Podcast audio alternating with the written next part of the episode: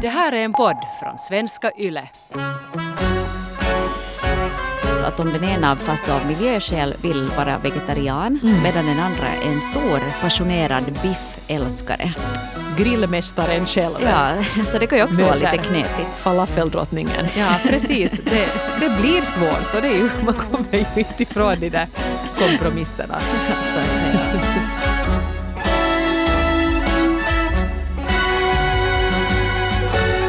Nu måste Hanna höra på det här brevet.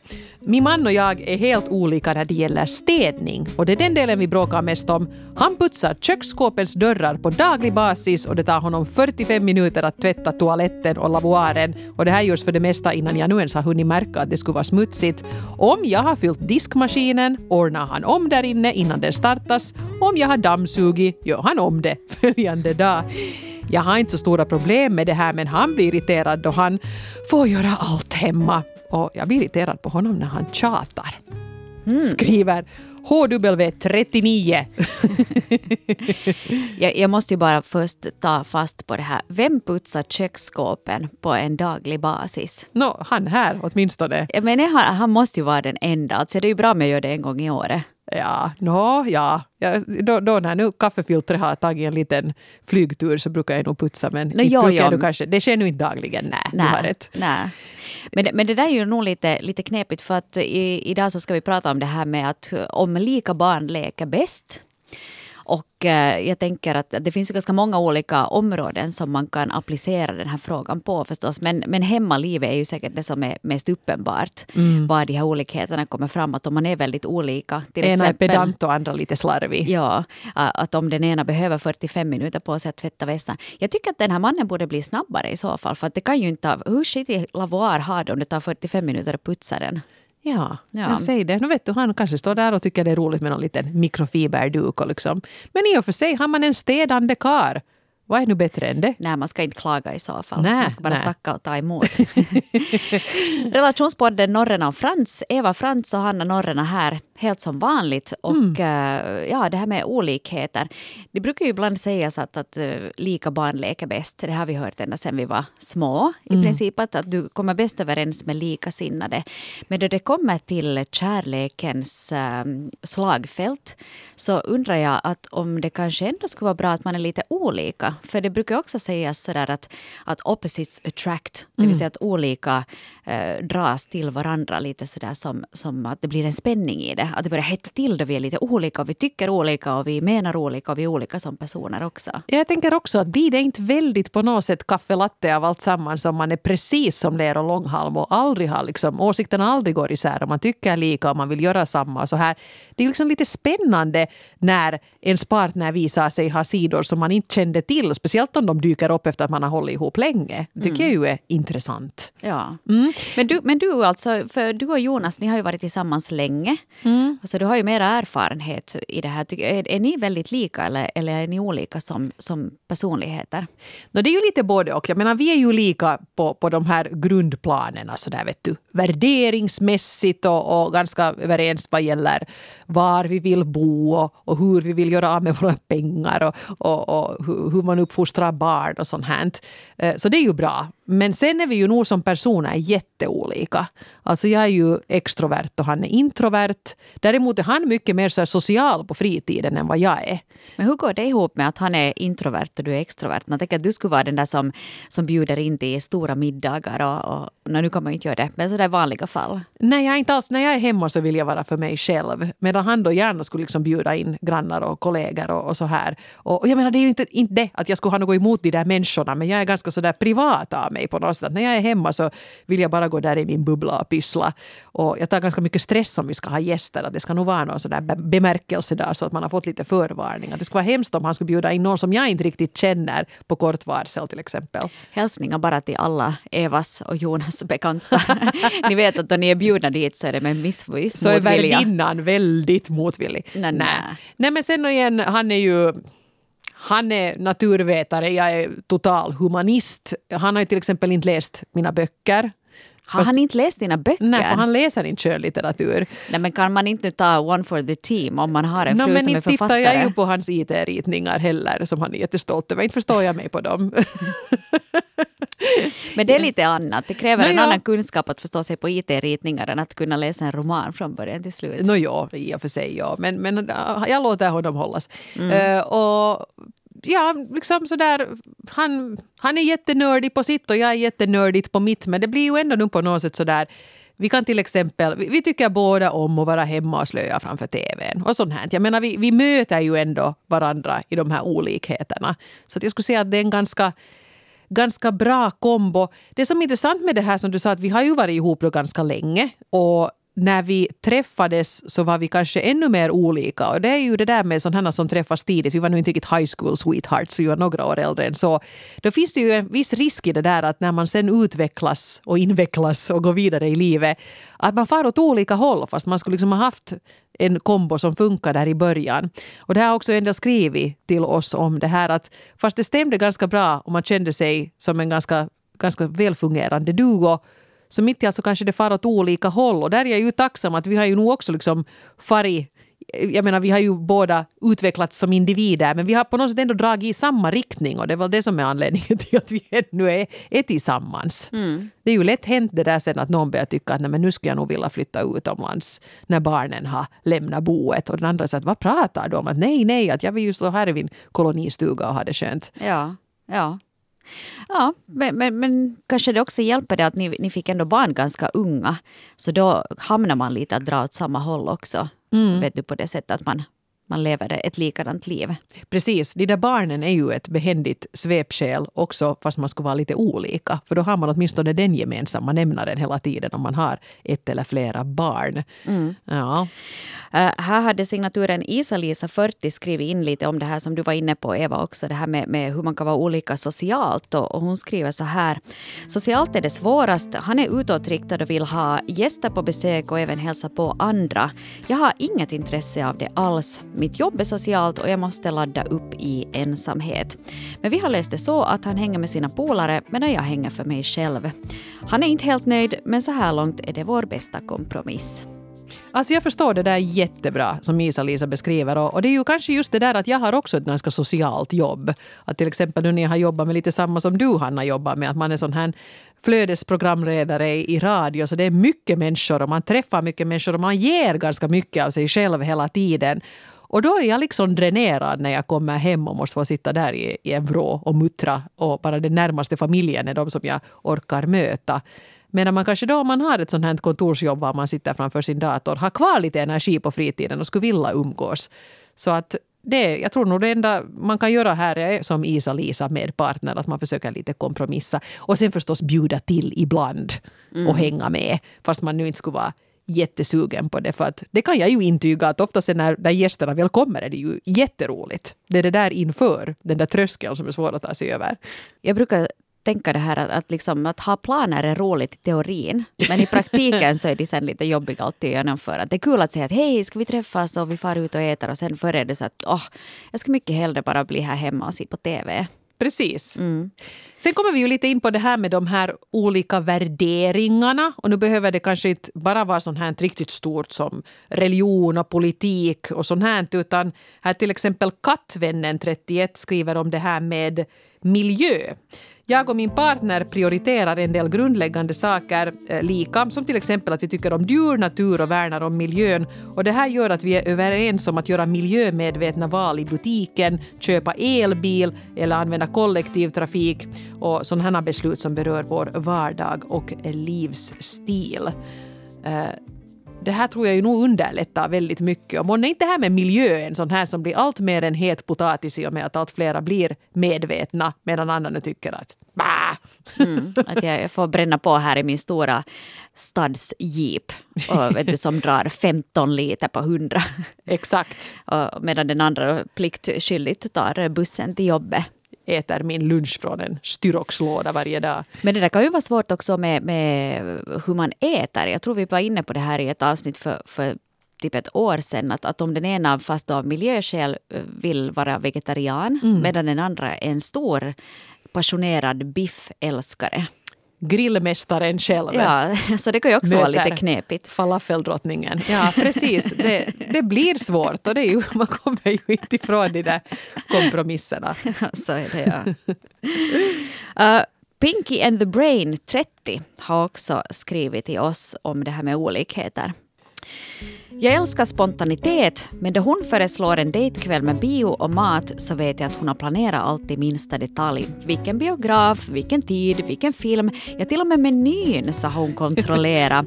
Och jajamän, hon har redan hunnit köpa kuponger för billigare erbjudanden för just den restaurangen. Härligt.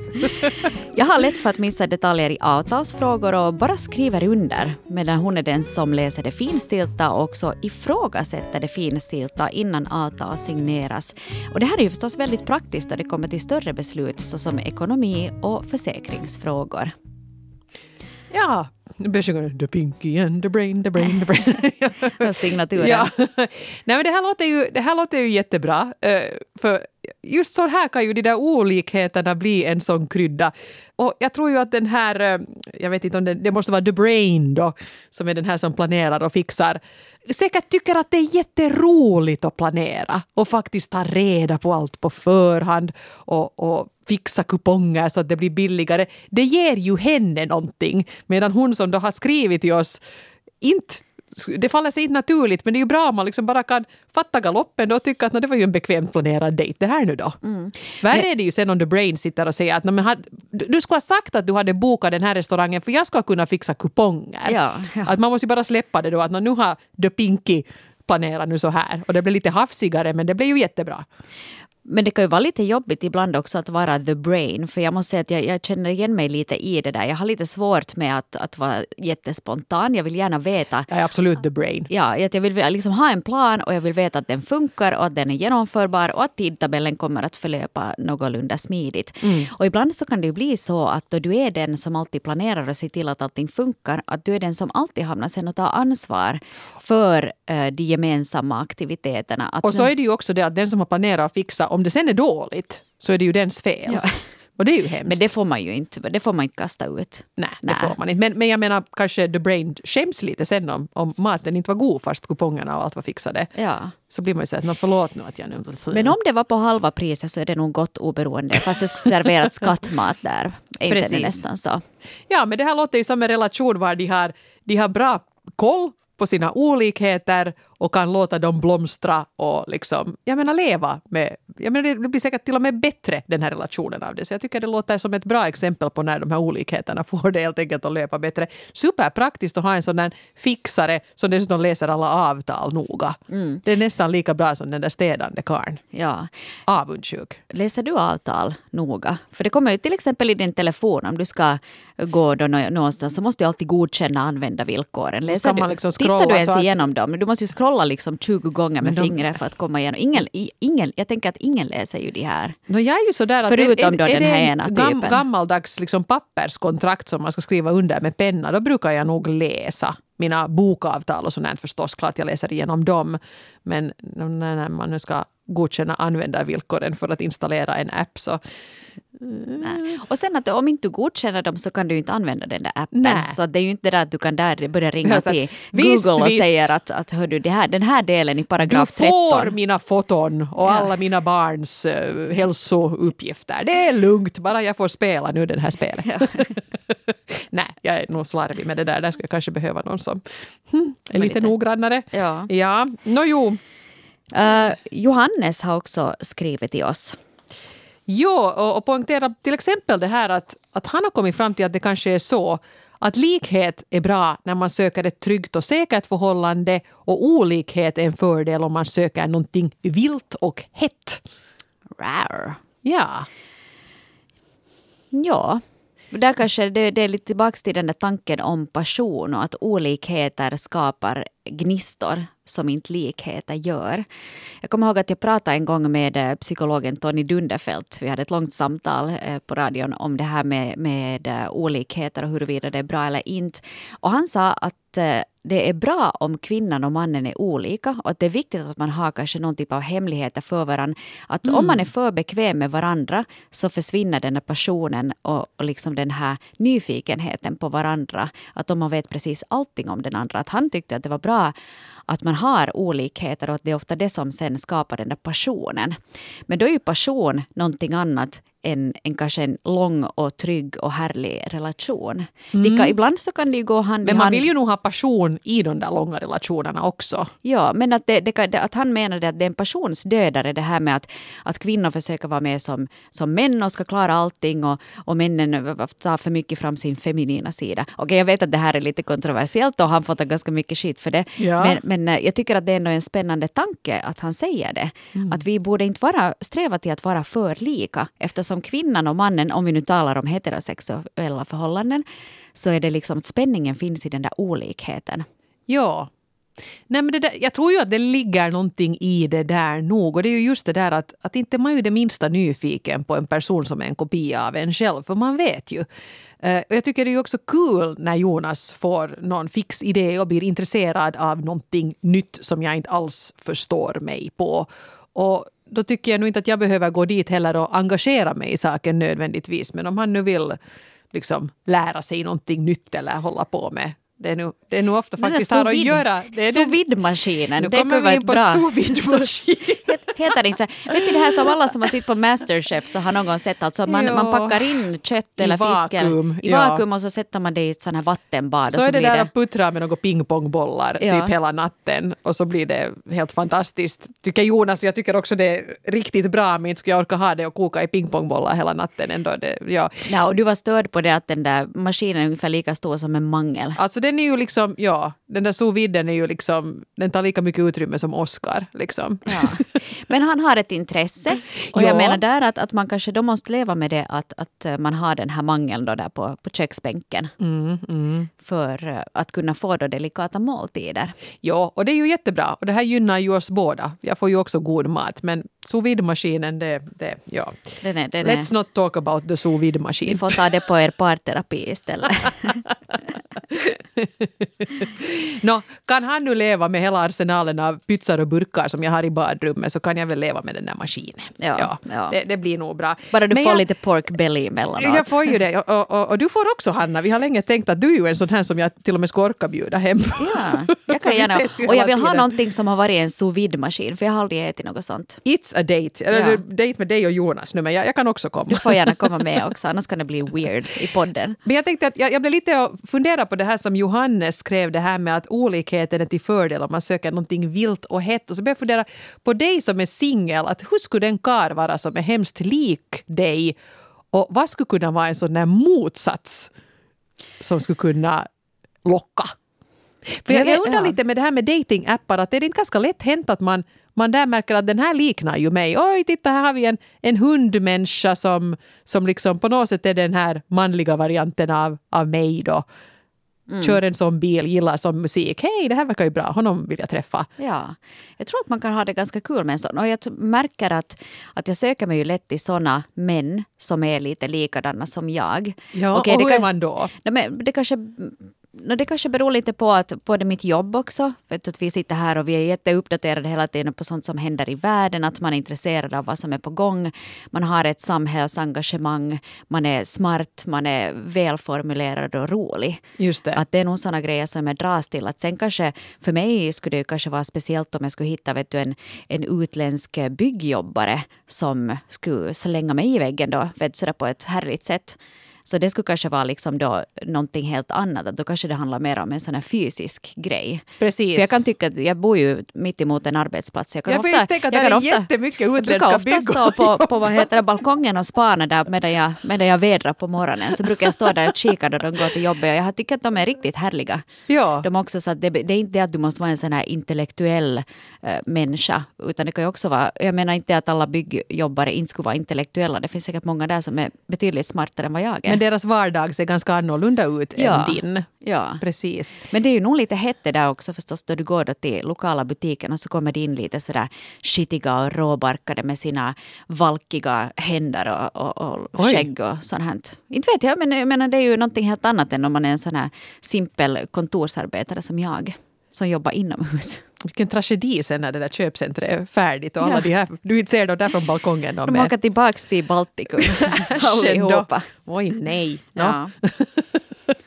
Precis, ja, ja men, men ja, jag tänker ju också att, att det skulle kanske vara praktiskt svårt att ha en relation med en människa som lever en helt annan, har en helt annan vardag än man själv. Men det där snabba och, och, och, heta och, och vilda som Johannes här nämnde, så, så det skulle kunna vara väldigt trevligt. Och ibland träffar du ju människor som du bara har en sån där kemi med.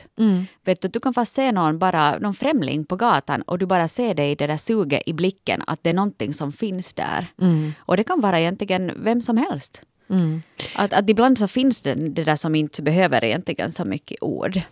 Nu kommer vi lite in på en sån här män och kvinnor-fält som är lite minerat. Men jag fick ju en sån här tanke nu här att, att till exempel man tänker att, att du som sån här framgångsrik mediekvinna skulle kunna ha lite svårt att liksom skapa en vardag med en byggjobbare. Men däremot så finns det nog jättemycket högt uppsatta affärsmän som är gifta med dagistanter. Och det funkar hur bra som helst. Liksom Ja, fast deras liksom, inkomst och sånt här skiljer sig väldigt mycket. Att kanske, vi, kanske vi är lite mossiga nu här i vårt tankesätt och att det nu ändå liksom, vänder man på det så, så Men- finns ju nog de här kombinationerna som funkar. Ja, jag har, jag har en, en eh, väninna som är eh, väldigt framgångsrik inom affärslivet. Hon har alltid haft jättehöga poster, varit VD för sådana här internationella företag. Alltså en kvinna som, som verkligen har bestämt över hundratals människor. Och hon har länge varit tillsammans med en man som har jobbat i ett lager. Han kör tryck på ett lager och tycker att det är filis. Och, och, och de funkar jättebra ihop, fast de har så vitt skilda. Jag menar, hon kan säkert gå till jobbet och på en dag tjäna mer än vad han gör på ett år. Nej, inte riktigt, men, men nästan liksom att, att där finns en, en jättestor skillnad, men att de som personer ändå kommer så bra överens. Precis. Det kan funka hur bra som helst och det finns liksom en massa bevis på det. Eh, det jag kan nämna några så saker som många av er har, har nämnt när ni har skrivit, vi har fått en massa brev. Det här med att vara introvert, extrovert lyfter många fram. Eh, det här med att, eh, ja, religion nämnde en del också. Om man, skulle, om man själv är troende så skulle det vara väldigt svårt att vara tillsammans med någon som är ateist till exempel. Om man är liksom aktivt troende så förstår jag att det, liksom, det som är i vardagen att det skulle bli konstigt. Ja, och det, och det är svårt att förklara åt en ateist varför du tror som du gör. Eftersom alla säger att ja, men vetenskapen har bevisat det här. Ja, men jag tror på det. Det är därför det kallas tro. Ja, att du har inga bevis på det, utan det är bara en egen personlig övertygelse. Och det kan vara ganska svårt om man hamnar, känner att man hamnar och försvara den tron hela tiden. Jo, känsligt, för det går ju djupt det där. Det kan ju vara en stark del av ens identitet, vad man tror på eller inte tror på. Man orkar kanske inte ha den debatten i, i Vessakön varje morgon. Nej. Men eh, vad var det annat här? Jag menar, det var en massa olika grejer ni lyfte fram. Nå, mycket det här förstås med eh, drömmar, hur man vill bo. Vill man sätta alla sina pengar på ett jättestort hus eller vill man spara eller vill man resa eller vad vill man göra?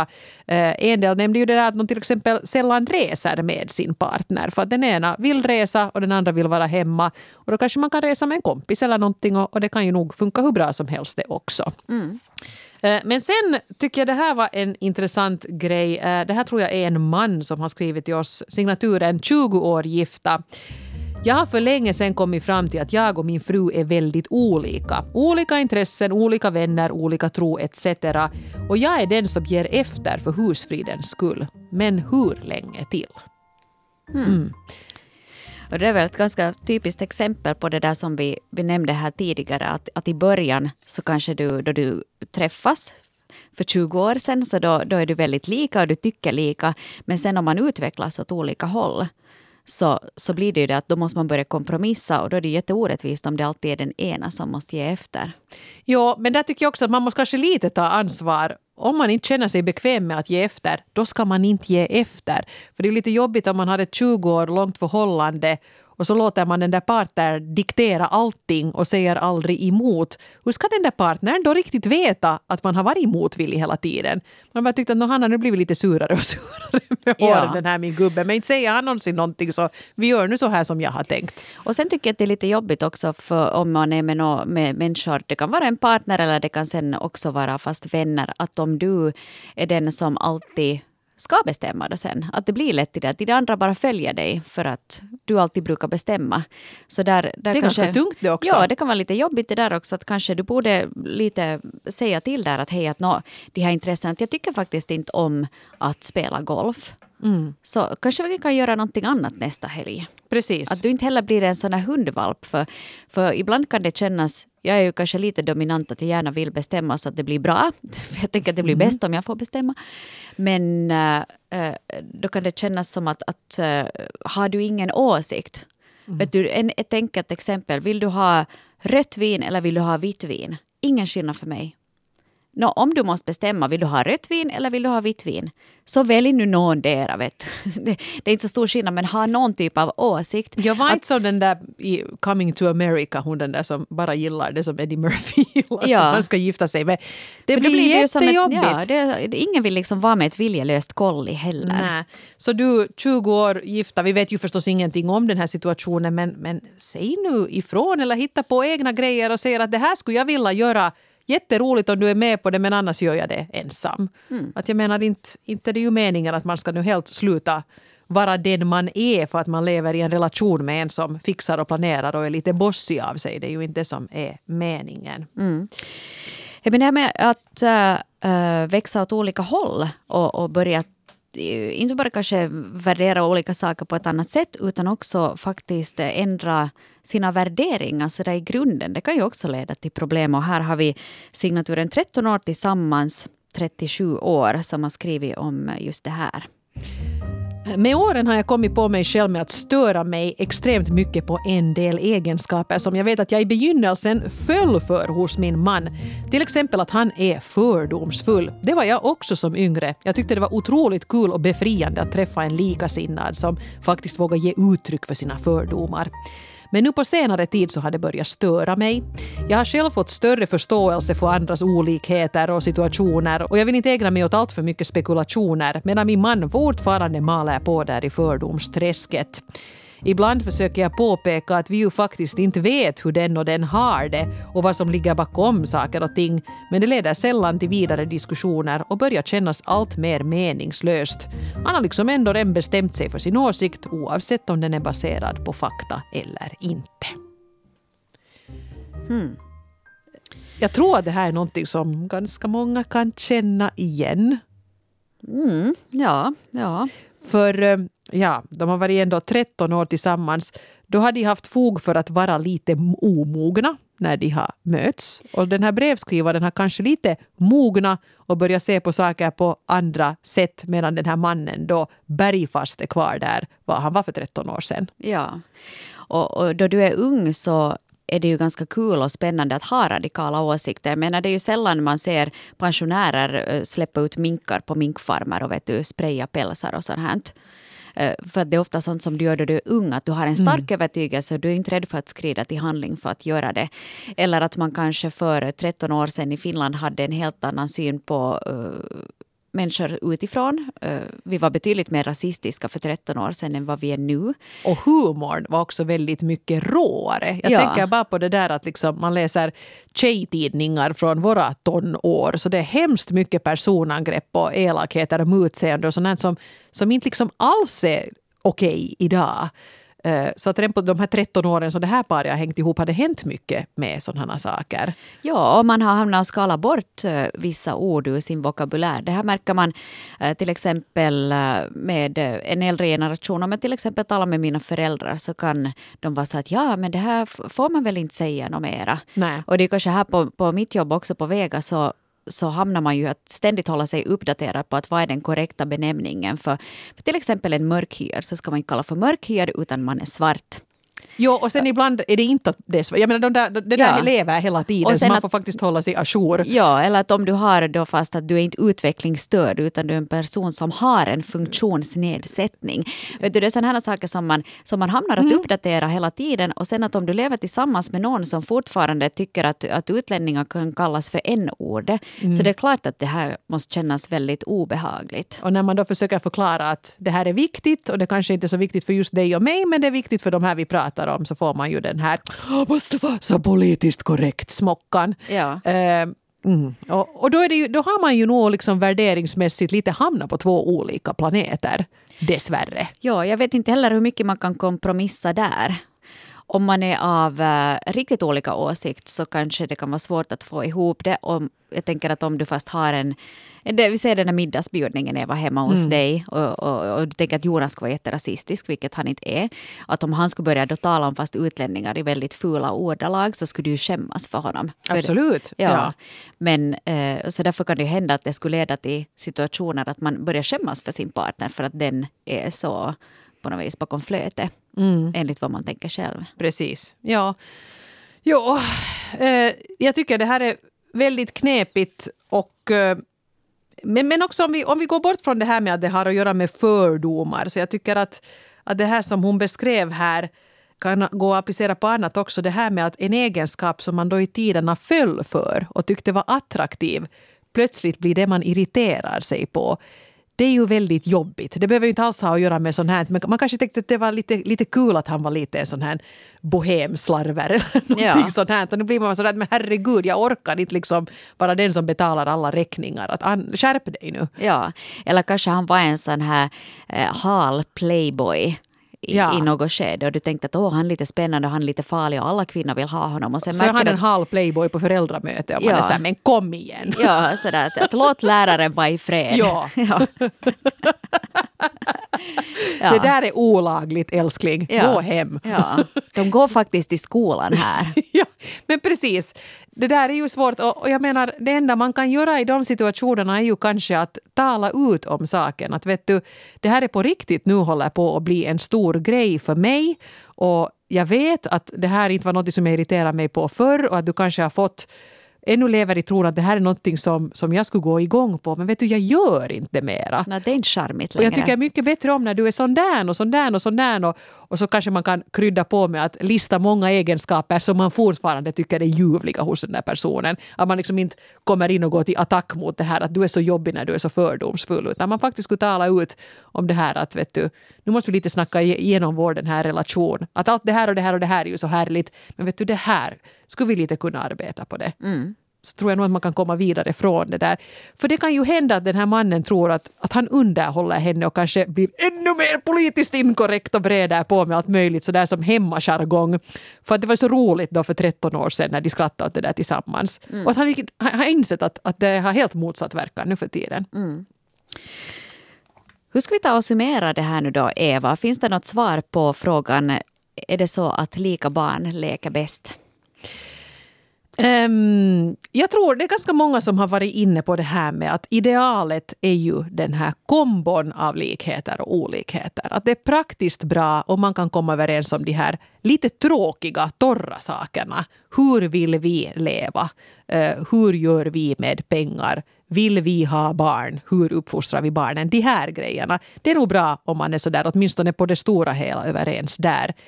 Men sen är det ju nog mycket roligare om man får vara helt sig själv på de andra planerna. Ha de hobbyer och intressen man vill. Leva livet som man tycker. Och ibland möts parterna i det här och ibland kanske man håller på med helt olika saker. Bara det känns som att det blir någon sorts balans i det där, att alla trivs. Så finns det ju inte liksom någon facit på hur mycket likheter och olikheter man ska ha tycker jag. Lite flummigt. Nej, det, jag tänkte just att det, det lät nästan som ett så presidenttal. Det var så genomtänkt. And God bless our troops. Vi hörs nästa vecka. Vi gör det, ja. Ha det bra. Hej då.